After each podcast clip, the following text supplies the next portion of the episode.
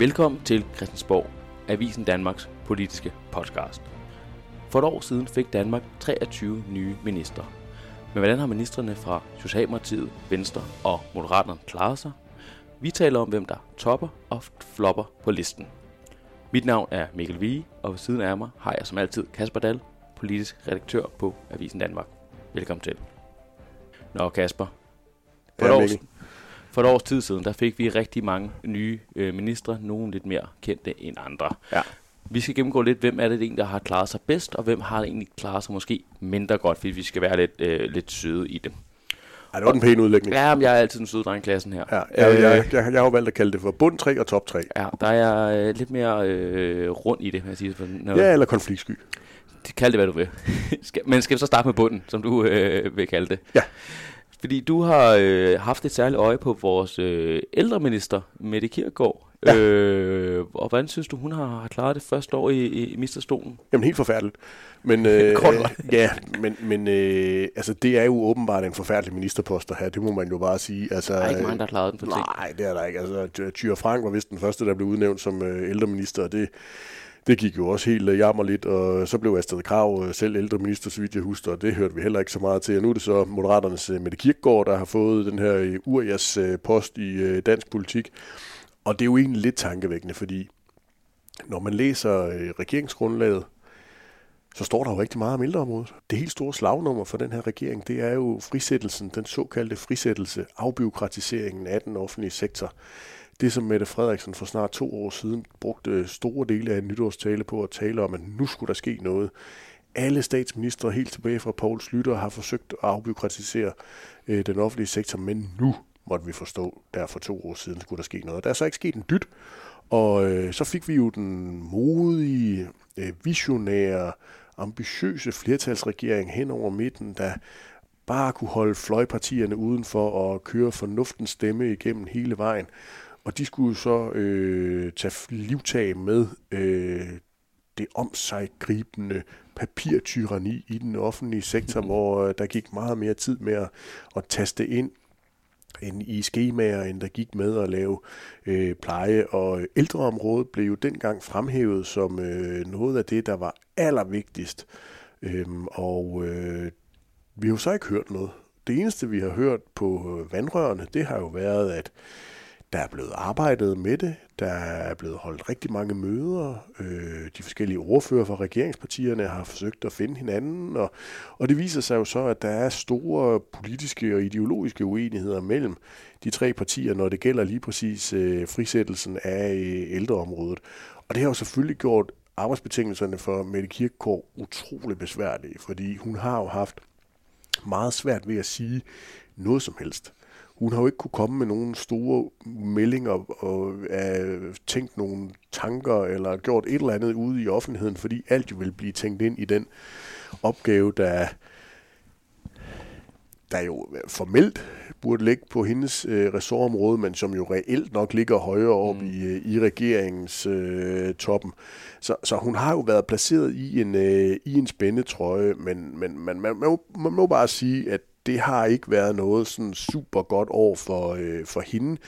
Og det har jo heller ikke været super godt for øh, moderaterne, forstået på den måde, at så mange ministerposter har de jo heller ikke, og de har jo ikke råd til, ligesom eksempelvis øh, Venstre heller ikke har råd til at have for mange ministre, der ikke leverer. Fordi de er nødt til at bruge de positioner, de har fået ravet til sig i armlægningen med Socialdemokraterne, til at komme ud og få markedsført øh, partiet og få markedsført øh, partiets politik. Og der har Mette Kirkegaard altså haft en meget, meget svær opgave, som, øh, som hun jo så i min optik heller ikke har formået at, at løfte. Det er altid nemt at være bagklog, Ja. men når man ser på historikken øh, omkring øh, ældreministerposten, som du også nævner her, øh, Tyre Frank og, og Astrid Krav, som heller ikke øh, lykkes på det her område, er du så overrasket over, at øh, man har valgt lige præcis en forholdsvis uerfaren person til at sidde i, i spidsen på den post? Nej, det tror jeg egentlig ikke. Altså, det, øh, det giver jo meget god mening, når man kigger på, hvilke muligheder Lykke han, øh, han havde, og hvilke ressortområder han fik ravet til sig, øh, og, øh, og prioritere den på den måde, han, han ligesom har gjort. Så det, det er jeg egentlig ikke så, så overrasket over. Jeg synes egentlig, det bliver mere interessant at se, om ældreministeren kommer til reelt at få en rolle at spille, når, når vi jo må forstå, at det i det kommende år, der kommer et, øh, et udspil på øh, ældreområdet, hvor man skal gå ind og tage livtag med, med byråkratiseringen og, øh, og forsøge at komme med en ny ældrelov, fordi det, det, vi må formode, at der kommer rigtig meget fokus på lige præcis det her område. Der bliver det jo så interessant at se, om Mette Kirkegaard er nogen, nogen stor politiker, om hun er det talent, som hun bliver udråbt til i, i Moderaterne. Fordi det har vi bare ikke haft mulighed for at opleve her i det første år, fordi hun der har haft en, øh, en meget fastlåst opgave. Lidt overraskende for mig, så har du også kigget på, hvem der så ligger i bunden hos Socialdemokratiet. Og der har du valgt øh, udlænding- og integrationsminister Kåre Dybbad Bæk. Hvorfor øh, har du smidt ham derned? Ja, Altså, øhm, Mette Frederiksen har jo sørget for, at Socialdemokratiet i den der armlægning med øh, Løkke og Jacob Ellemann dengang, at de der bevarede nogle meget vigtige ministerier, de tunge ministerier, nogle der også var vigtige for øh, Socialdemokratiet. Og der var Udlænding- og Integrationsministeriet jo et af dem, fordi øh, det var vigtigt for Mette Frederiksen, at der på ingen måde måtte kunne sås tvivl om, at der skulle føres en stram udlændingepolitik, og det er Kåre Dybvad jo så blevet garanten for. Han var også øh, udlænding- og integrationsminister i den socialdemokratiske etpartiregering til sidst, og han er jo så fortsat på området. Men det er egentlig ikke øh, på grund af hans ressortområde, at jeg har valgt at, øh, at placere ham dernede. Nej, det handler mere om en, øh, en debat, der så er, er eksploderet her i, øh, i efteråret, da, hvor Kåre Dybvad Bæk jo udgiv, ud, udgav en, øh, en ny bog, arbejdets øh, land, og øh, der er mange interessante pointer i, i den bog, og en af dem, der så er kommet til at fylde rigtig meget, handler om det her med, med retten til at tilrettelægge sit eget liv og ens øh, egen arbejdstid. Og, og der har øh, Kåre Dybvad Bæk, i forlængelse af øh, øh, Mette Frederiksen, der var ude med, med et lignende budskab tidligere på året, jo været øh, bannerfører for, at man skal altså huske at, øh, at få arbejdet. Man skal arbejde 37 timer om ugen, man skal levere til samfundet, man skal sørge for at betale sin skat. Og øhm, der er det altså min fornemmelse, at budskabet, tror jeg sådan set er, eller budskabet er jo kerne socialdemokratisk. Det, det er der bestemt ikke nogen tvivl om. Men det er til gengæld også et budskab, som øh, fuldstændig rammer forbi tidsordenen.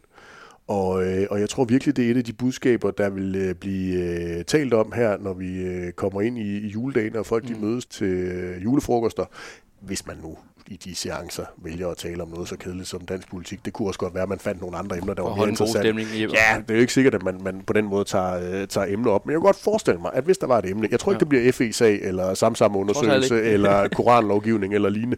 Jeg tror faktisk mere, det kunne blive sådan en, en debat her. Og der tror jeg bare, at rigtig mange vil sidde og tænke, det skal Kåre Dybvad Bæk og Socialdemokratiet simpelthen bare ikke blande sig i.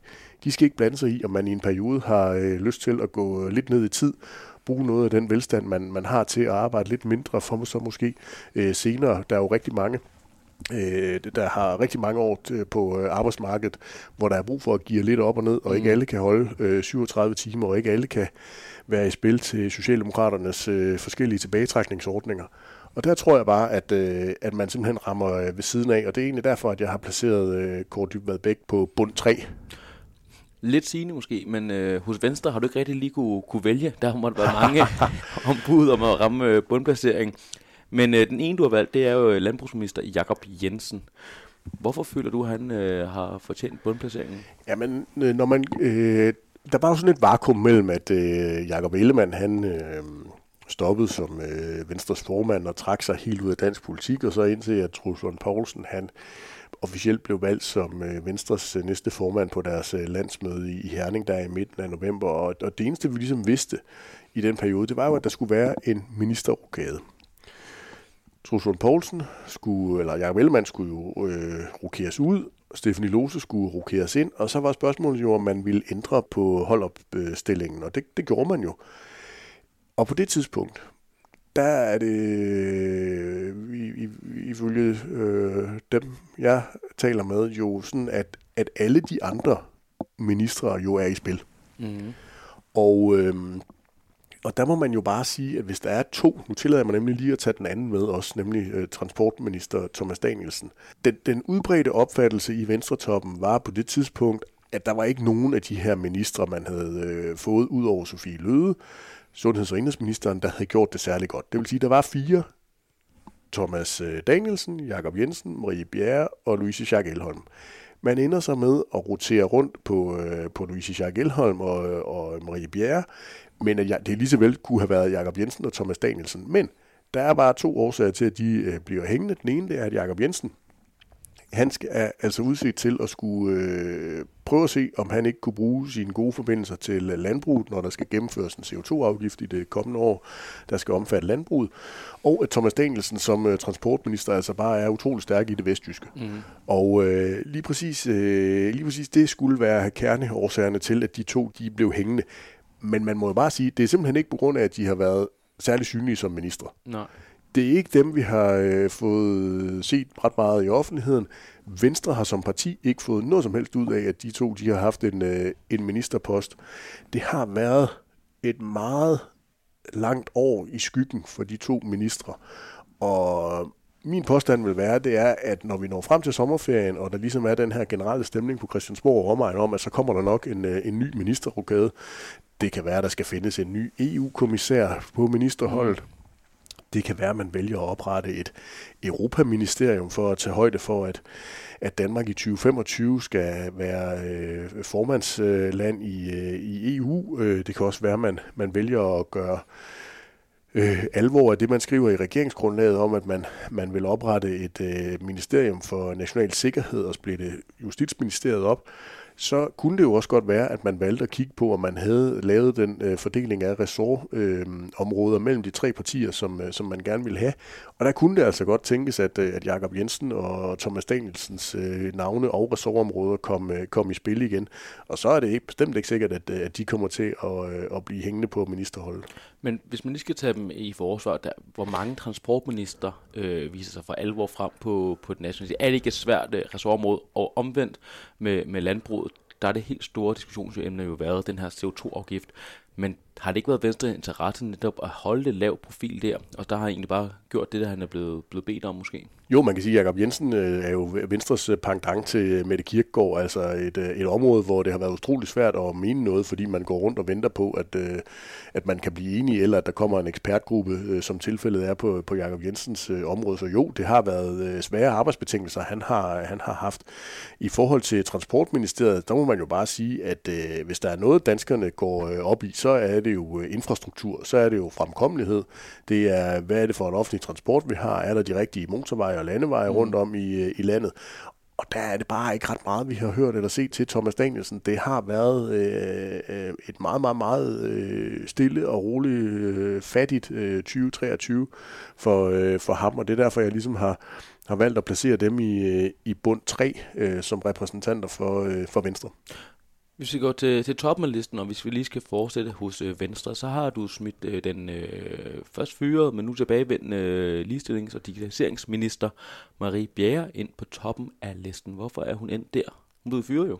Ja, hun blev fyret og hyret øh, igen. Og det, lige præcis den manøvre har jo så givet øh, Marie Bjerre sit, øh, sit folkelige gennem, øh, gennembrud. Det så man i nogle af de målinger, der var blandt andet fra Opinion for, for DR og Altinget øh, op mod jul, at, øh, at Marie Bjerre jo lige pludselig, fra at have været fuldstændig ukendt, lige pludselig røg op i, øh, i toppen af, af populariteten, og det er jo i virkeligheden utroligt dansk. øh, det der med, at, øh, at man, man lige pludselig øh, øh møder omsorg, når man øh, har oplevet en eller anden form for uretfærdig behandling, og det det var jo det, der ligesom endte med at blive billedet på øh, den rokade, Truls Lund Poulsen, han øh, gerne ville lave med, med venstreministerne, altså at Marie Bjerre, hun på en eller anden måde var blevet uretfærdigt behandlet, fordi han så bare lige hævde en eller anden tv-kendis ind mm. øh, på, øh, på hendes ministerpost, og hun oplevede jo at få ros fra nær og fjern, altså selv Pelle Dragsted var jo ude og, øh, og rose Marie Bjerre. Og det kan jo undre, når hun så, før hun blev øh, fyret, øh, lå og rodede rundt nede i bunden af de der øh, kendis-målinger. Øh, men, men man må jo også tage, tage hatten af for Marie Bjerre. Altså hun fik jo et, øh, et område, øh, digitalisering og ligestilling, hvor digitalisering jo ikke før har været et selvstændigt øh, ministerområde, og hvor ligestilling jo er blevet kastet rundt mellem alle mulige forskellige øh, ministerier igennem de sidste 20-30 år. Og, øh, og hun formåede jo, selvom det ikke er to områder, der sådan tiltrækker sig den helt store opmærksomhed, og rent faktisk prøve at, øh, at arbejde sig øh, i gang med det. Og øh, Danmark har jo faktisk fået en digitaliseringsstrategi. Der var ikke ret mange, der har opdaget det, fordi den ikke blev, øh, blev solgt særlig godt, og den var måske heller ikke øh, vanvittig folkelig, men det er jo faktisk noget af det, hun er, er lykkes med at, øh, at komme igennem med. Hun har også været ude og tage nogle, øh, nogle øh, ligestillingsopgør og har forsøgt at, at tegne en, øh, en liberal ligestillingspolitik. Det har så godt nok gjort, at hun er blevet uvenner med, med nogle af de, de borgerlige øh, partier. Men hun har faktisk prøvet at, at bruge den position, hun øh, blev udstyret med som digitaliserings- og ligestillingsminister, til at skabe en, en platform for, for Venstre og, og for sig selv. Og så ville skæbnen jo, at, at Mia Wagner hun var nødt til at trække sig efter ganske kort tid, og så øh, lykkedes det jo så for Marie Bjerre at få det her folkelige gennembrud, der gør, at hun i hvert fald i min optik, blandt, øh, blandt Venstres ministerhold, er den, der, der har klaret sig bedst. Kigger vi mod øh, Moderaterne, der har du så udvalgt øh, Moderaternes leder, Lars Løkke Rasmussen, udenrigsminister, som også mener lidt om alle de andre politi- politikområder. Hvorfor er han har været den bedste øh, minister for øh, Moderaterne?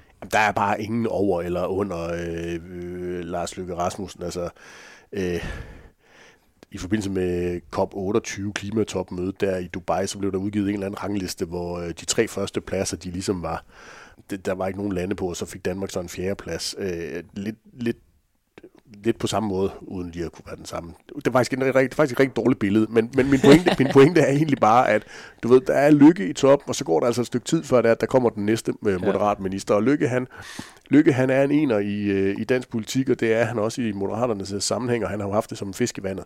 Øh, han virker til at føle sig utrolig godt tilpas i den der øh, udenrigsministerrolle, øh, og, øh, og ja, han har haft masser af ting at tumle med i Moderaternes øh, folketingsgruppe, og ja, partiet er også, efter faktisk at være meget stabil i løbet af hele året, så er de jo begyndt at tage lidt vand ind øh, rent øh, vælgermæssigt og, og skubbe nogle vælgere ud øh, og dykker lidt i, i meningsmålingerne. Men, men det ville jo nærmest også være, være mærkeligt andet, når man er sådan, sådan et nyt parti, at det ikke kører lidt, øh, lidt op og ned. Lykke formår jo så også øh, at starte indrigspolitiske diskussioner. Han øh, har været i modvind, når det gælder øh, klimadagsordenen, hvor han jo, måtte vi forstå på, på artikler i, øh, i det digitale medie Zetlands, været i spidsen for sådan et havvindsudvalg, og nu er han så kommet, kommet ind og været en del af regeringens nye grønne udvalg, så han forsøger jo at se, om man ikke kan tage ejerskab over den her øh, grønne dagsorden, som jo er et af akilleshælene hos, øh, hos Moderaterne. Partiet har også været arrangør af en stor konference hos øh, Dansk Industri om, om det grønne, og, og man har jo klimaminister Lars Ågaard, men, men, men det er Lykke, der skal drive den der øh, udvikling, og, og, og det må vi jo se, om han kan lykkes med i det kommende år. Men han er simpelthen i en, øh, en liga for sig, og er øh, suveræn den, der har klaret sig allerbedst af Moderaternes ministre. Og så i øh, Socialdemokratiet, der har du så udvalgt øh, mesteren til de brede forlig, den øh, politiske håndværker, oh, ja. Rang. Han får mange roser, og, øh, men han får også et høvl for ikke rigtig måske altid at blande sig nok i den offentlige debat. Det er selvfølgelig Nikolaj Vammen, øh, ja. finansministeren, vi taler om her. Ja. Hvor, har han virkelig været den bedste øh, minister for Socialdemokratiet? Ja, det ved jeg. Altså, man skal jo vælge en, når man ja, sætter sig ned og laver de her øh, ranglister, og... Øh, 2023 har været et godt år for Nikolaj Vammen, og det øh, må man jo også bare øh, sige, det skal han selvfølgelig også belønnes for. Så kan det jo være, at vi til næste år øh, har øh, lidt flere kritiske øh, briller på ham. Altså, han har fået lavet de her mange brede aftaler, som du øh, er inde på. Det er også nemt, når dansk økonomi nu har udviklet sig i en langt mere positiv retning, end det regeringen jo lagde op til, da den trådte til. Det er væltet ind med milliarder i hans øh, statskasse, og det gør det selvfølgelig noget nemmere at kunne begynde at dele ud af dem. Og det har han jo gjort med rund hånd i, øh, i løbet af året, og det har jo gjort, at øh, det har været svært for partierne at stille sig udenfor og sige nej til alle de millioner, som Nikolaj Vammen han var klar til at kaste efter dem.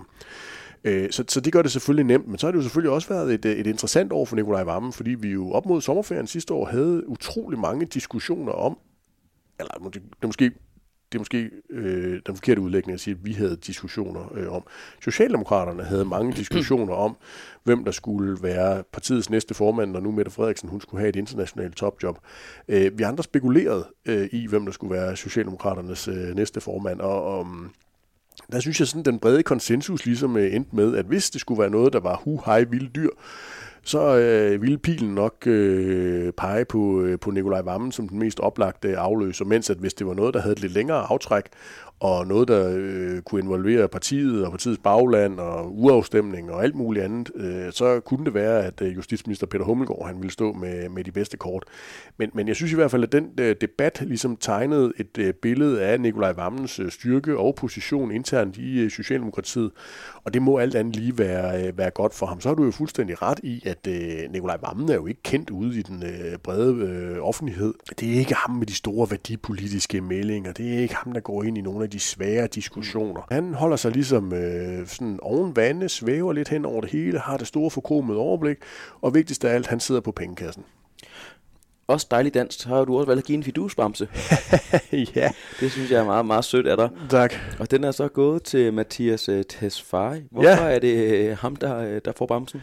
Jamen, øh, egentlig fordi, at Tesfaye jo er, er øh, på sådan en rigtig tesfajsk måde er lykkedes med at kaste en kæmpe redningskrans til øh, regeringen i den der øh, underliggende kritik hele tiden af, at de ikke rigtig gør noget på deres store kongstanke, nemlig frisættelsen af den offentlige sektor. Mm. Altså nu havde vi lige øh, Mette Kirkegaard, der, der, der fik masser af kritik for, at der ikke er sket en dyt på, øh, på ældreområdet. Men der må man jo så bare sige, at Mathias Tesfaye i sådan al stilfærdighed jo har fremlagt et øh, folkeskoleudspil, der øh, lægger op til at skulle gøre op med 90% af reglerne på, eller 90% af, af de mål, mål, der er for folkeskolen. Altså en, i den grad en, en afbiokratisering og en frisættelse af øh, et kerneområde i den offentlige sektor, nemlig folkeskolen. Men det er virkelig, virkelig noget, der har kørt øh, bevares. Der var en lille snak om det der, da regeringen fremlagde det, som ikke var et udspil, men var, som var et såkaldt kvalitetsprogram øh, for, øh, for en ny folkeskole. Men ellers har det jo kørt fuldstændig under radaren, og det er først her i, i begyndelsen af 2024, at regeringen lægger op til, at de vil indkalde til politiske forhandlinger. Indtil da, der har han snakket med interessenter og besøgt folkeskoler og alt muligt. Sådan fuldstændig under radaren, og på sådan en meget øh, øh, måde har han jo i virkeligheden øh, leveret på en af de prioriteter, som regeringen har, øh, har stillet op. Og øhm, det tænker jeg egentlig, at øh, Mette Frederiksen godt lige kunne, øh, kunne give ham en, øh, en fidusbamse for her op mod øh, årsskiftet. Hvis vi skal lidt fremad og se, hvad læserne og lytterne har i vente på Avisen Danmark.dk, hvad, hvad kan man så se frem til? Jamen, den her podcast, den udkommer jo øh, mellem øh, jul og nytår, så øh, hvordan øh, sagerne lige øh, er faldet ud, det, øh, der må jeg være øh, øh lytterne svar skyldig. Men om ikke andet, så kan det være, at der allerede nu på Avisen Danmark.dk eller i løbet af de næste dage på Avisen Danmark.dk kommer øh, to super spændende interviews. Det ene er det, du øh, kommer til at lave, øh, Mikkel, med øh, kulturminister Jakob Engel Schmidt, som øh, er blevet far, og skal ud og fortælle om øh, farrollen, ligestilling og nogle af de tanker og overvejelser, øh, det at træde ind i faderrollen ligesom har, har givet ham. Og så har øh, vores kollega Ida Meier jo interviewet en af de øh, politikere, der virkelig har været i vælten her i, øh, i 2023, nemlig den ragede spidskandidat fra det konservative Folkeparti, øh, Pernille Weiss, som øh, taler ud kan vi vel godt øh, Ja, kalde det- det, i sådan et øh, tabloidsprog, som, som åbner op for nogle af de tanker, overvejelser og oplevelser, som hun har haft i, øh, i 2023.